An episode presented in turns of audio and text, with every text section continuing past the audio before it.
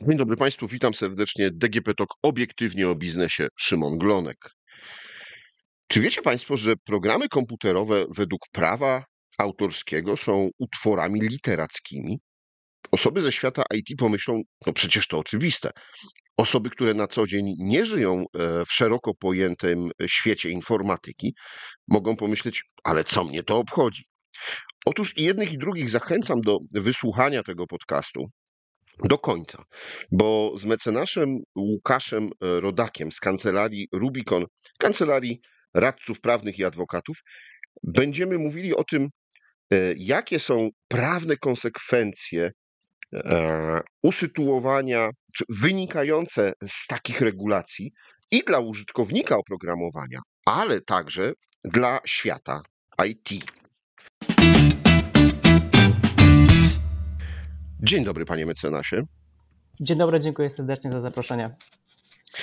E, panie mecenasie, no to te programy komputerowe, e, prawo autorskie, e, no ale dla mnie jako użytkownika, który kupuje sobie program komputerowy, instaluje go na komputerze, czy to stacjonarnym, czy na laptopie, zaczynam używać, mam pomysł, hmm, ulepszyłbym go. Czy mogę to legalnie zrobić? To tak, odpowiadając wprost na to pytanie, nie, nie może pan, e, ale ciekawsza jest właśnie ta podróż, skąd się to w ogóle e, to bierze. Jak już pan słusznie wspomniał na samym początku, e, programy komputerowe, jak znaczna część własności intelektualnej, chronione są przepisami ustawy o prawie autorskim i prawach pokrewnych. Tak jak pan wspomniał, tak jak utwory literackie. I ochrona ta w takim dużym uproszczeniu polega właśnie na tym, że właściciel praw autorskich programu komputerowego, w zależności od sytuacji, to może być autor programu, ale również jego producent czy pracodawca tego programisty, e, będzie mieć taki monopol na rozporządzanie tym oprogramowaniem. I to ten podmiot będzie decydować zarówno o kwestiach takich oczywistych jak zwielokrotnianie czy rozpowszechnianie e, programu komputerowego, ale także o ingerencji w jego treść. I tak jakby, jakbyśmy tak chcieli trochę porównać tę ochronę do książek, e, gdzie, gdzieś tam się już e, wcześniej nam pojawiły, to tutaj autor czy wydawca decyduje o tworzeniu kolejnych kopii książek, no i nikt z ulicy nie może, prawda, wejść do księgarni, wziąć sobie z półki jakąś książkę, zacząć ją kserować i dalej e, rozprowadzać i pobierać z tego tytułu pieniądze. Tak samo no, w przypadku książek akurat no, nie jest taka możliwa sytuacja, w której bierzemy książkę, dopisujemy do niej rozdział i później tę książkę z tym naszym dodatkowym rozdziałem dalej rozpowszechniamy jakby e, pod naszym własnym e, imieniem i nazwiskiem. Z programami komputerowymi działa to bardzo podobnie, choć akurat w przypadku modyfikacji to to prawo, ta ochrona producenta czy autora programu jest jeszcze mocniejsza, bo jakby tutaj jakakolwiek ingerencja co do zasady jest już naruszeniem praw, praw tego podmiotu uprawnionego. Ale Więc... tak w stu procentach, panie mecenasie, no bo jednak e, pojawiają się takie głosy, czy nie tylko głosy, no ale e, interpretacja prawna, że jednak można poprawiać błędy.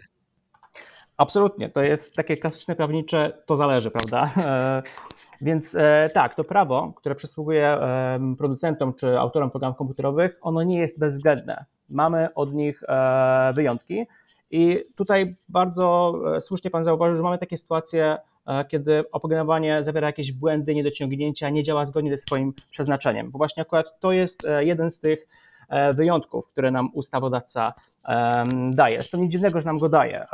Żyjemy w świecie, w którym mniej niż jedna trzecia projektów informatycznych w ogóle kończy się takim jednoznacznym sukcesem. Dokopałem się do takich danych zawartych w Chaos Report, opublikowanych przez Standish Group, to są dane tam na 2020 rok, gdzie zaledwie 31 projektów programistycznych było w ogóle jakby satysfakcjonujące. Zakończyło się jakby zgodnie z celem, budżetem i harmonogramem. 31%, tak? Dokładnie tak, 31% tylko. Tylko jedna trzecia było jakby takim jednoznacznym sukcesem. Wszystko było w porządku. 50% sukcesów, e, Boże, sukcesów, 50% projektów zakończyły się sukcesem z zastrzeżeniami. Czyli generalnie było w porządku, ale na przykład przekroczyliśmy harmonogram, przekroczyliśmy budżet, albo jednak nie wszystkie te cele zostały osiągnięte. Natomiast 19% projektów uznane zostało za niezakończone sukcesem w ogóle. To znaczy absolutnie nie spełniły swoich celów i nawet mogły zostać w trakcie jeszcze e, anulowane.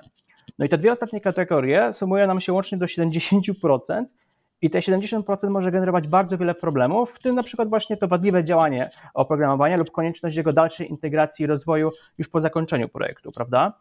E, więc dla prawników działających w branży IT no nie jest dużym zaskoczeniem sytuacja, której przychodzi do nich klient po zakończonym już wdrożeniu oprogramowania i mówi: No, kupiłem oprogramowania, ale nie do końca się teraz zrozumiałem z wykonawcą, mamy jakiś spór, oprogramowanie ma nadal wiele błędów, a on za ich naprawę żąda właśnie wygórowanego wynagrodzenia. Ale na przykład ten, ten sam klient ma jakiś e, własny dział IT, który jest w stanie te błędy naprawić. No i właśnie teraz się pyta, czy ja mogę te błędy e, naprawić. I tu właśnie przechodzimy do tego e, pierwszego e, wyjątku, czyli tego, że możliwe jest e, naprawianie samodzielne błędów programu komputerowego. Mm, no to tutaj trzeba by chyba zapytać, co to jest y, błąd, jak go y, zdefiniować. Mm, absolutnie. E, błędem programu komputerowego jest jakby takie jego niedziałanie zgodnie po pierwsze z przeznaczeniem, albo jego niedziałanie um, prawidłowe, czyli zarówno zawieszanie się, generowanie błędnych danych, niepoprawnych wyników, um, czy w ogóle po prostu nieuruchamianie się, prawda? Więc błędem jest ewidentnie e, jakieś nieprawidłowości, nieprawidłowości w stosunku do tego, co było nam gwarantowane. E, to, że na przykład program nie, nie działa do końca tak, jak byśmy chcieli, na przykład działa za wolno, no to tutaj nie zawsze to już będzie błędem, prawda? To jest już bardziej kwestia subiektywna. E, o tym, czy coś jest błędem, czy nie, może decydować na przykład e, specyfikacja tego oprogramowania, czy jakaś dokumentacja jego. Jeżeli mamy napisane wprost w dokumentacji, w instrukcji obsługi, że funkcja A ma działać w sposób taki a taki i generować takie a takie wyniki, a gdzieś po drodze tutaj to nie działa w taki sposób albo generuje nie takie wyniki, no to ewidentnie mamy tutaj e, do czynienia z błędem, z jego niedziałaniem, z niedziałaniem programu w e, prawidłowy e, sposób. Ja to sobie wyobraziłem tak przez moment, że kupuję aparat fotograficzny. Współczesne aparaty fotograficzne są urządzeniami elektronicznymi naszpikowanymi oprogramowaniem. I ten aparat działa i jest e, wszystko super, poza tym, że jak wciskam spust migawki, to nie zapisuje tego zdjęcia. Tak, jest to, myślę, że to jest dosyć e, interesujący tutaj e, przykład. E, no oczywiście to musi być zobaczyć rzeczywiście, na ile to jest błąd programu, a na ile e, błąd e, mechaniczny i tak, w tej sytuacji moglibyśmy również ingerować w program komputerowy, no ale właśnie, tutaj przechodzimy do tego pojęcia ingerencji w program komputerowy. E, I tutaj może trochę zboczymy na chwilkę jeszcze z tematu, bo żeby te wszystkie kwestie dotyczące naprawiania błędów od strony prawnej wyjaśnić, e, chyba musimy sobie jeszcze wyjaśnić jedno istotne zagadnienie, e, mianowicie zagadnienie kodu źródłowego. Bo jakby mówiliśmy sobie na samym początku, że te programy komputerowe są chronione jako utwory literackie, tak jak utwory literackie.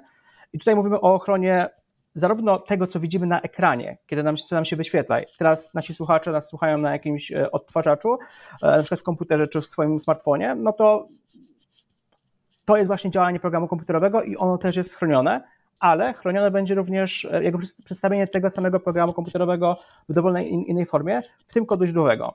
Jakby tutaj też, no nie wiem na ile też nasi słuchacze są obeznani w tym temacie, ale dla tych, którzy nie wiedzą, to w bardzo dużym uproszczeniu, Kod źródłowy to taka forma zapisania programu komputerowego, która jest zrozumiała dla programisty.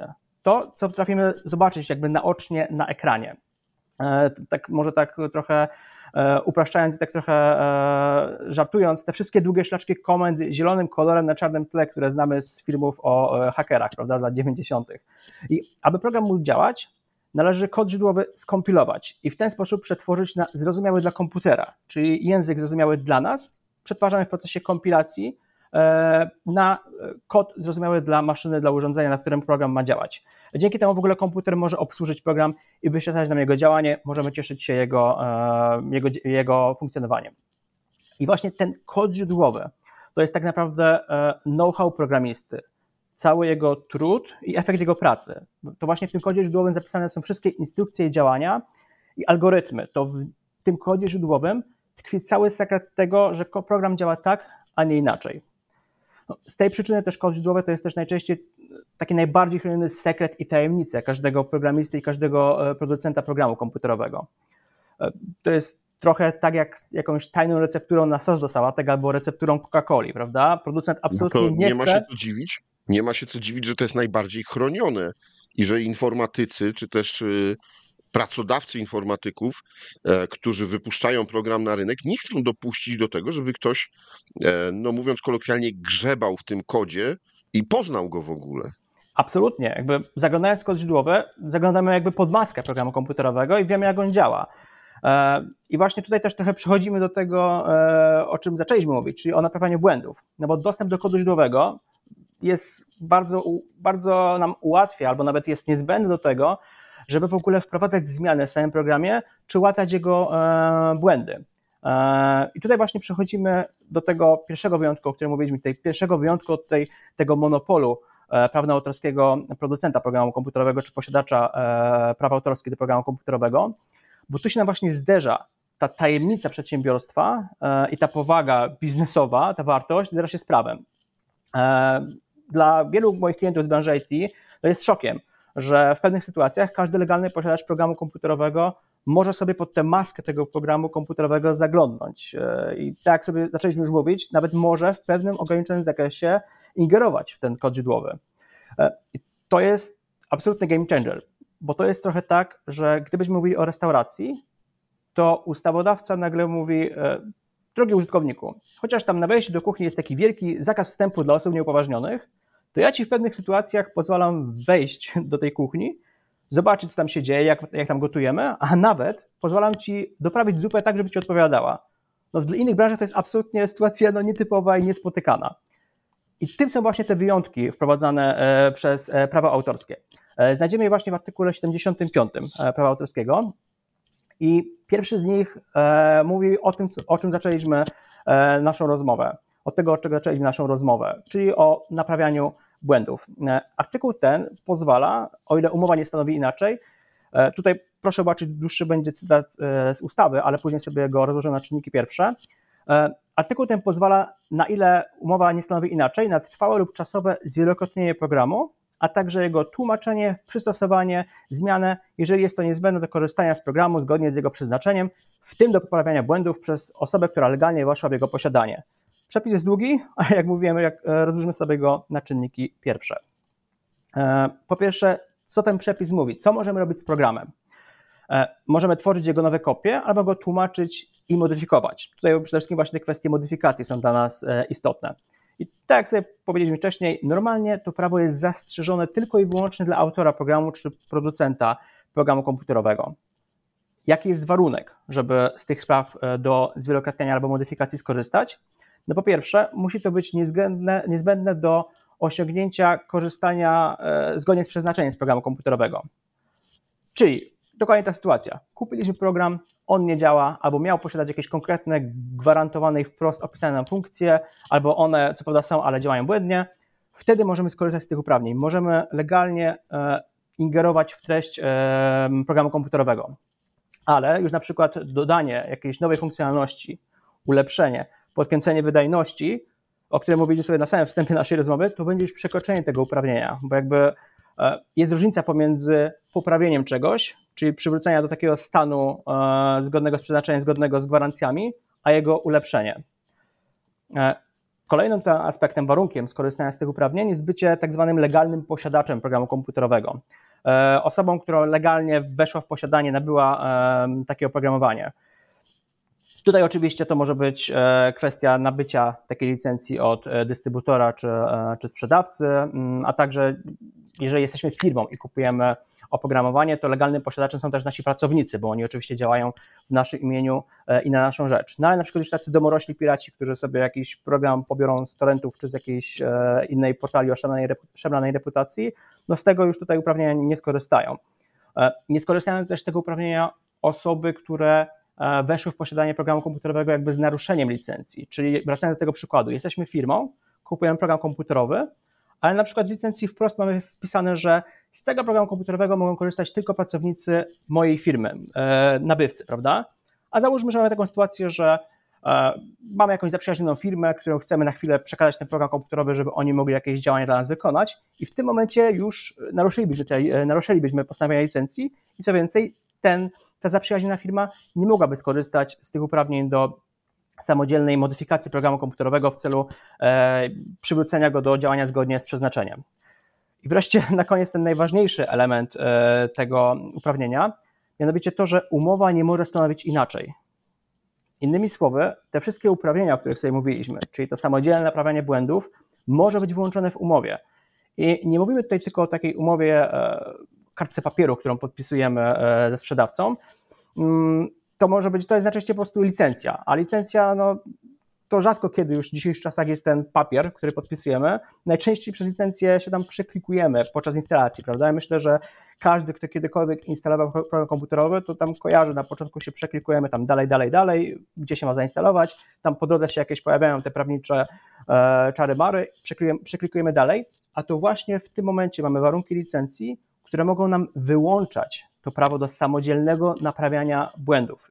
I to jest właśnie tutaj Panie mecenasie, y, producent może napisać, OK, oprogramowanie może zawierać błędy, ale ty, użytkowniku, posiadaczu legalny, nie możesz tych błędów naprawić.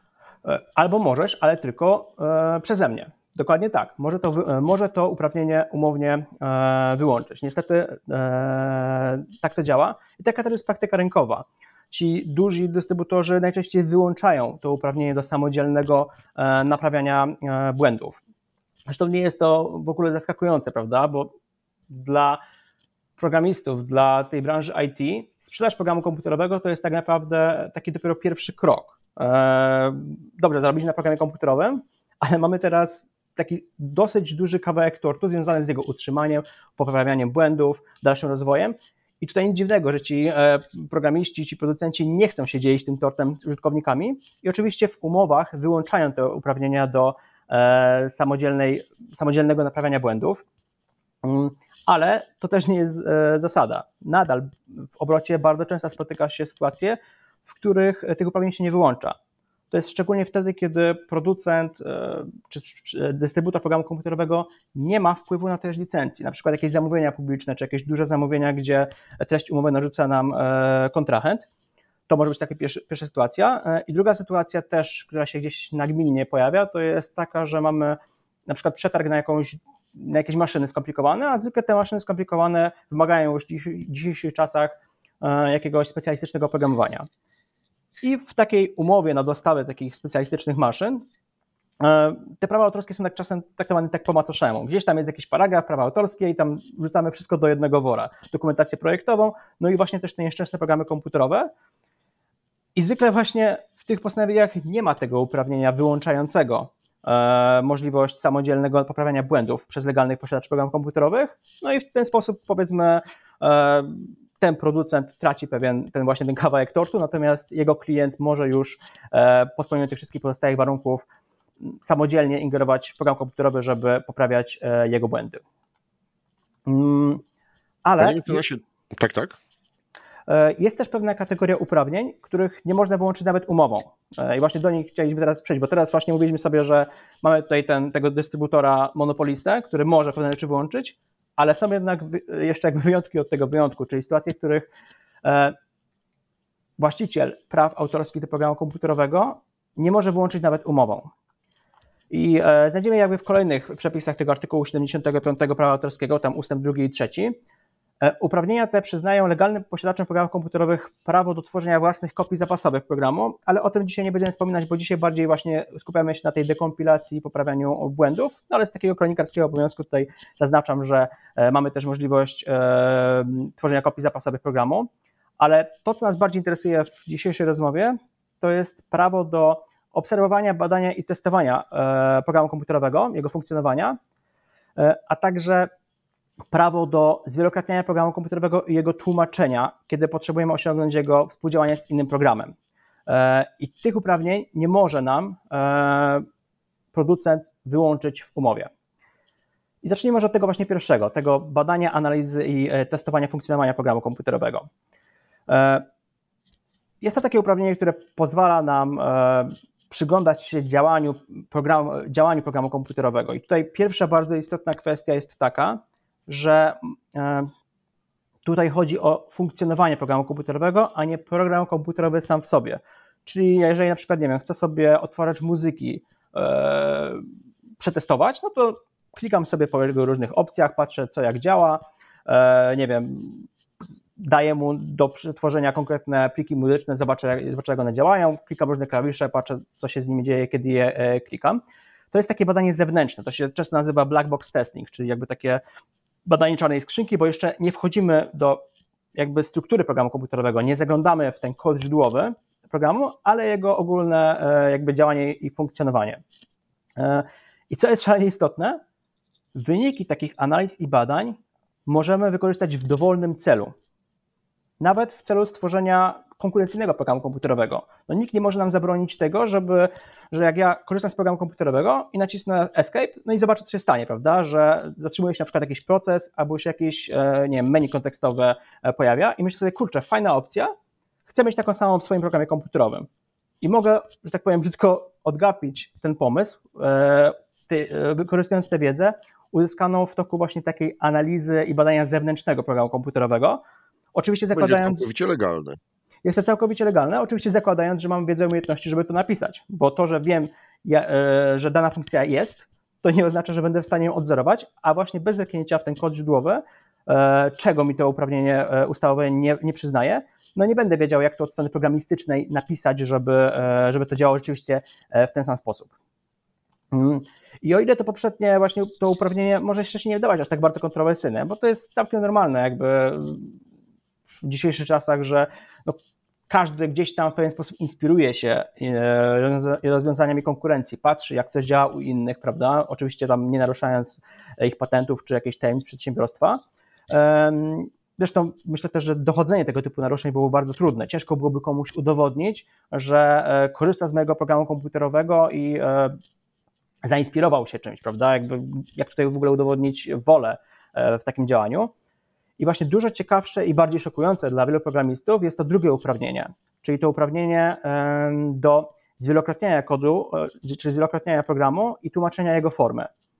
E, czyli mówiąc e, językiem akurat przepisów unijnych, do dekompilacji programu komputerowego. No bo generalnie możliwe jest dekompilowanie programu komputerowego legalne, jeżeli jest to niezbędne do uzyskania informacji koniecznych do, tutaj ustawodawca to mówi, osiągnięcia współdziałania z niezależnie stworzonym programem komputerowym.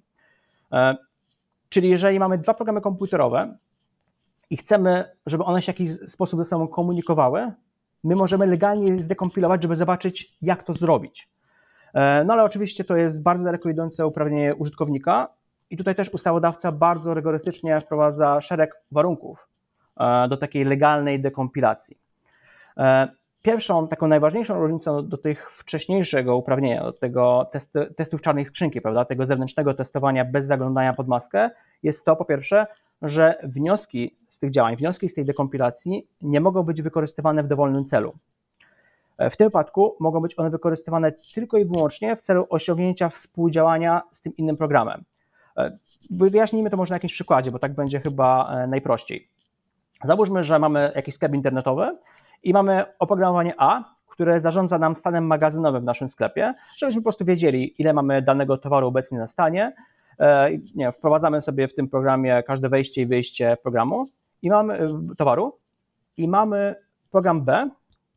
To jest taka powiedzmy platforma zakupowa, która jest, której nasi klienci się logują i mogą sobie nasze towary kupować. E, I naszym celem jest teraz, żeby jakby te dwa programy zintegrować, żeby program zakupowy komunikował się z naszym programem magazynowym i na przykład na bieżąco wyświetlał użytkownikom dane dotyczące tego, ile jeszcze mamy na magazynie e, egzemplarzy danego produktu, prawda? Myślę, że to jest taka, całkiem mogła być interesująca opcja dla e, sprzedawców. I tutaj w tym celu, w celu właśnie osiągnięcia tego współdziałania, dozwolona będzie dekompilacja programu komputerowego, tego na przykład tego programu sprzedażowego, żeby sobie zobaczyć, e, jak to tam działa, co ja muszę zrobić, żeby te dwa programy ze sobą e, działały.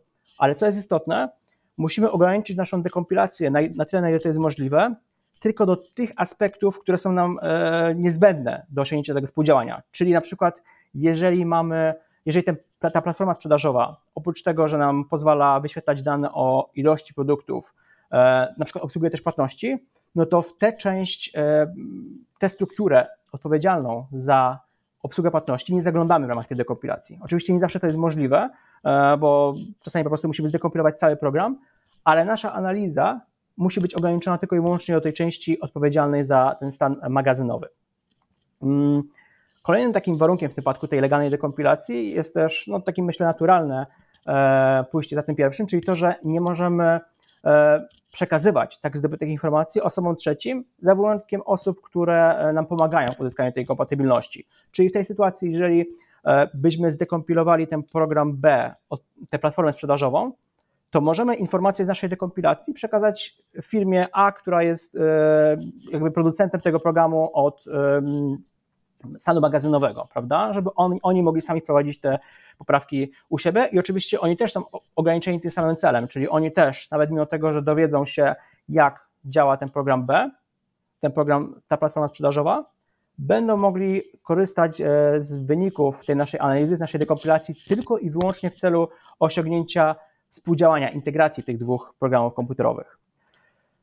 Um, powiedzieliśmy sobie już oczywiście o tym, że z tych uprawnień mogą skorzystać znowu tylko legalni posiadacze, więc to tutaj jakby już o tym mówiliśmy, kim jest legalny posiadacz, tutaj jest taka sama sytuacja, ale jest też e, ciekawe tutaj e, rozszerzenie tego uprawnienia również na osoby działające na naszą rzecz. Czyli jeżeli my nie mamy wiedzy na tyle profesjonalnej, żeby samemu zdekompilować ten program i zintegrować je, tak jak właśnie tutaj mamy taką sytuację, że mamy ten program magazynowy, który nam dostarcza jeszcze inny dostawca, to możemy jemu powiedzieć, słuchaj, tu jest taki program B, nasza platforma sprzedażowa, potrzebujemy, żebyś je zintegrował i możesz legalnie zdekompilować ten, tę platformę sprzedażową, żeby zobaczyć, co trzeba zrobić, żeby te dwa programy się ze sobą komunikowały. E, I tutaj jeszcze mamy jeszcze jedną przesłankę, jeszcze jeden warunek, e, żeby w ogóle skorzystać z tego prawa do dekompilacji. Więc widzimy, tutaj mamy cały szereg obwarowań, żeby tutaj e, ten monopol prawny autorski producenta naruszyć. E, trzecia przesłanka, również szalenie ważna, to jest to, że informacje, które chcemy zdobyć wskutek tej dekompilacji, nie mogą być uprzednio łatwo dostępne w inny sposób. Czyli sięgnięcie w ogóle po to uprawnienie, po tę dekompilację, to powinna być taka rozsądna ostateczność jeżeli wydawca programu opisał mi pewne kwestie w dokumentacji oprogramowania, czy w instrukcji, albo nie wiem, udzielam tej informacji na stronie internetowej, albo nawet nie wiem, na YouTube znajdziemy jakiś filmik, w którym ktoś e, wyjaśnia, jak e, pewne czynności e, wykonać, no to te informacje są już łatwo dostępne. I my nie możemy zdekompilować programu komputerowego tylko po to, żeby nie wiem, potwierdzić, czy jeszcze raz zdobyć te informacje z takim przypadkiem takiego. Przypadkiem nie jest jeszcze wymagane to, że musimy się najpierw skontaktować z producentem tego y, oprogramowania y, i zapytać, czy on y, nie może nam udostępnić takiej wiedzy, nie może nam wytłumaczyć, jak to zrobić, zanim sami zaczniemy dekompilować? To jest bardzo ciekawy aspekt akurat rzeczywiście, bo tutaj też jest e, spór co do tego słowa uprzednio łatwo dostępne. Niektórzy interpretują to słowo uprzednio łatwo dostępne w ten sposób, że skoro mają być uprzednio łatwo dostępne, to ja nawet nie powinienem się w ogóle musieć pytać e, tego e, wydawcy czy tego producenta, e, bo te informacje muszą być uprzednio łatwo dostępne. Ja się nie do końca z tym zgadzam. Ja uważam, że jakby ta uprzednio się bardziej odnosi do tego momentu dekompilacji, a nie jakiegoś momentu potrzeby zaciągnięcia informacji. Ale oczywiście to jest właśnie jeden z wielu aspektów tutaj interpretacyjnych i niejasności.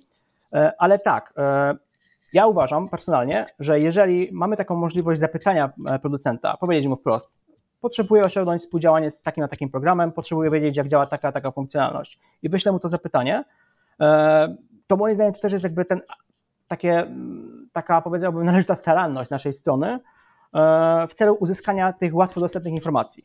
I tutaj oczywiście, jeżeli nam w odpowiedzi ten producent powie, owszem, mam takie informacje, udzielcie ich, ale za jakąś wygórowaną cenę, to w tym momencie te informacje już nie są łatwo dostępne, prawda? Bo musimy za nie zapłacić e, jakieś dodatkowe, bardzo duże wynagrodzenie. Ale tutaj znowu niestety wchodzimy na kolejne e, takie pole niepewności, pole interpretacyjności, bo mamy to bardzo niejasne i bardzo nieostre pojęcie łatwego dostępu do informacji. Nie ma jakiejś takiej jednoznacznej granicy, w której byśmy powiedzieli, Tutaj informacje są dostępne łatwo, tutaj już nie. Na przykład e, wysłałem zapytanie do producenta i ten producent e, nie odpowiada mi przez trzy dni.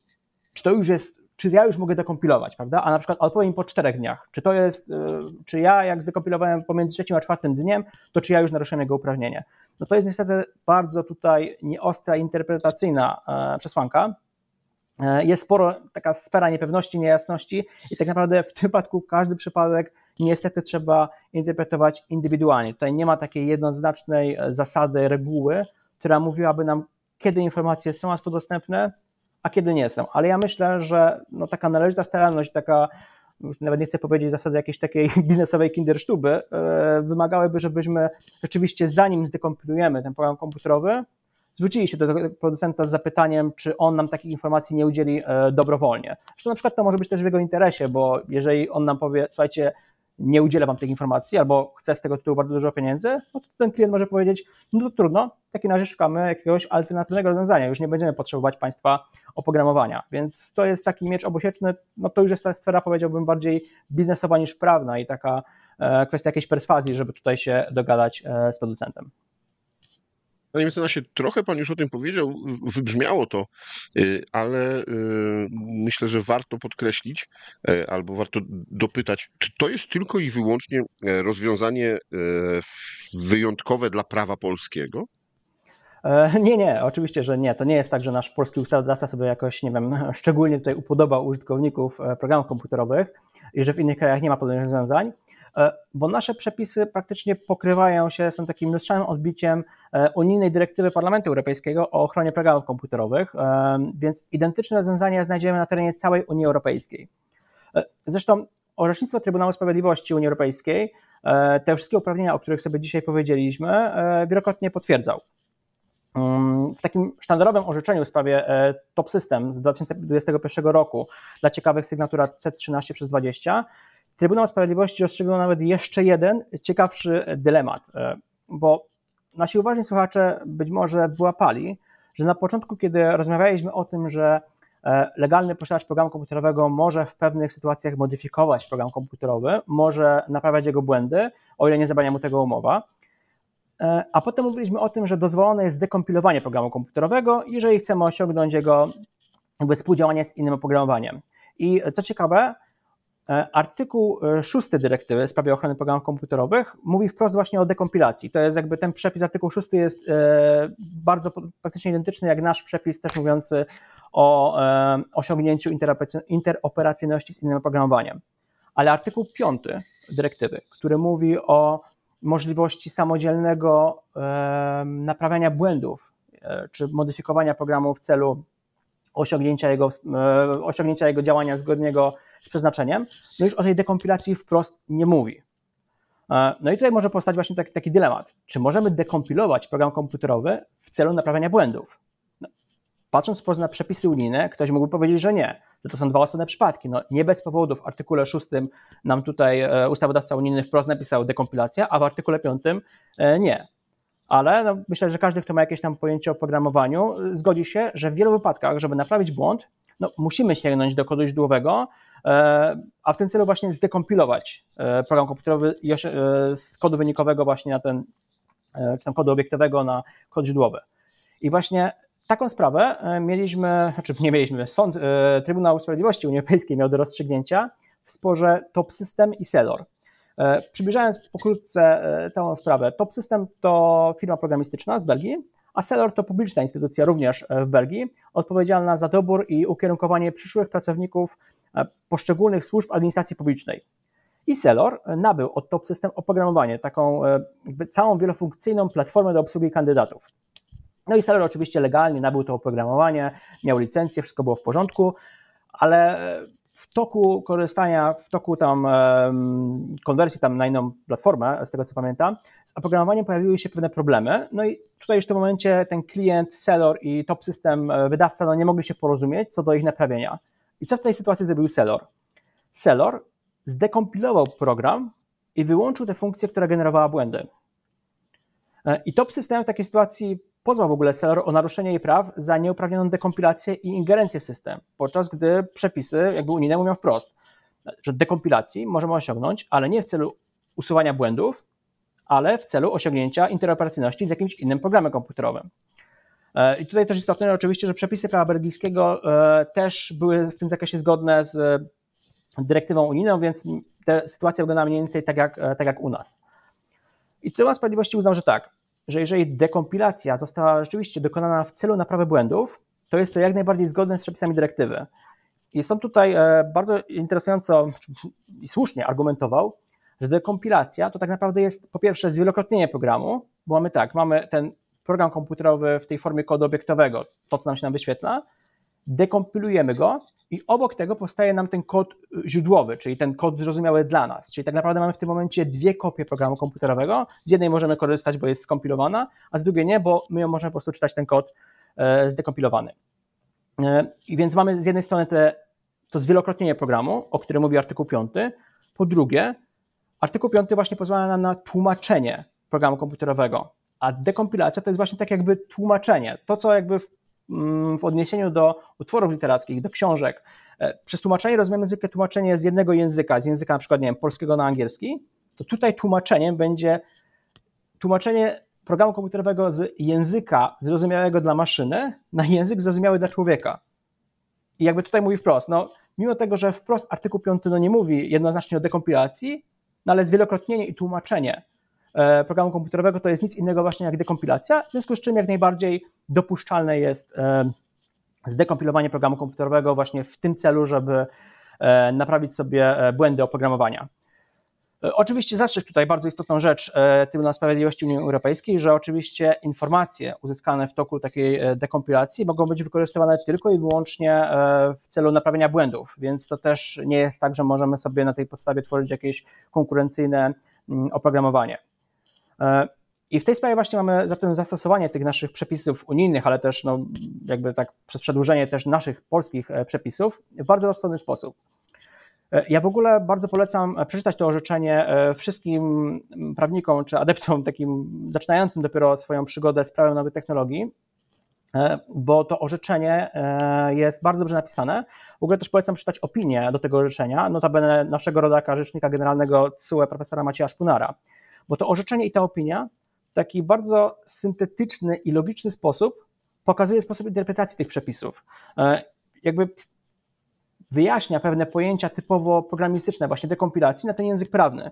I dlatego to jest, myślę, bardzo fajna, bardzo fajne orzeczenie, bardzo fajna opinia, żeby zrozumieć po prawniczemu, mówiąc brzydko, e, te kwestie programistyczne i wiedzieć, jak ta praktyka przekłada się na język prawny. Proszę Państwa, e, zobaczcie, wydawałoby się, że sprawy, które są e, bardzo mocno tylko i wyłącznie dla informatyków, ale mogą dotykać nas e, w codziennej pracy, czy w biurze, czy w firmie, czy w jakiejkolwiek instytucji publicznej, no bo program może nie działać, może zawierać błędy i warto wiedzieć, co możemy zrobić, E, i jak nasza firma może zareagować, e, żeby e, program działał poprawnie, a żeby wszystko nadal było zgodnie z prawem. Panie mecenasie, dziękuję bardzo za wytłumaczenie nam tego tematu. Dziękuję bardzo serdecznie. Moim i Państwa gościem w podcaście DGP Talk obiektywnie o biznesie był mecenas Łukasz Rodak, e, radca prawny z kancelarii Rubikon, kancelaria radców prawnych i adwokatów. A rozmawiał Szymon Glonek. Do usłyszenia.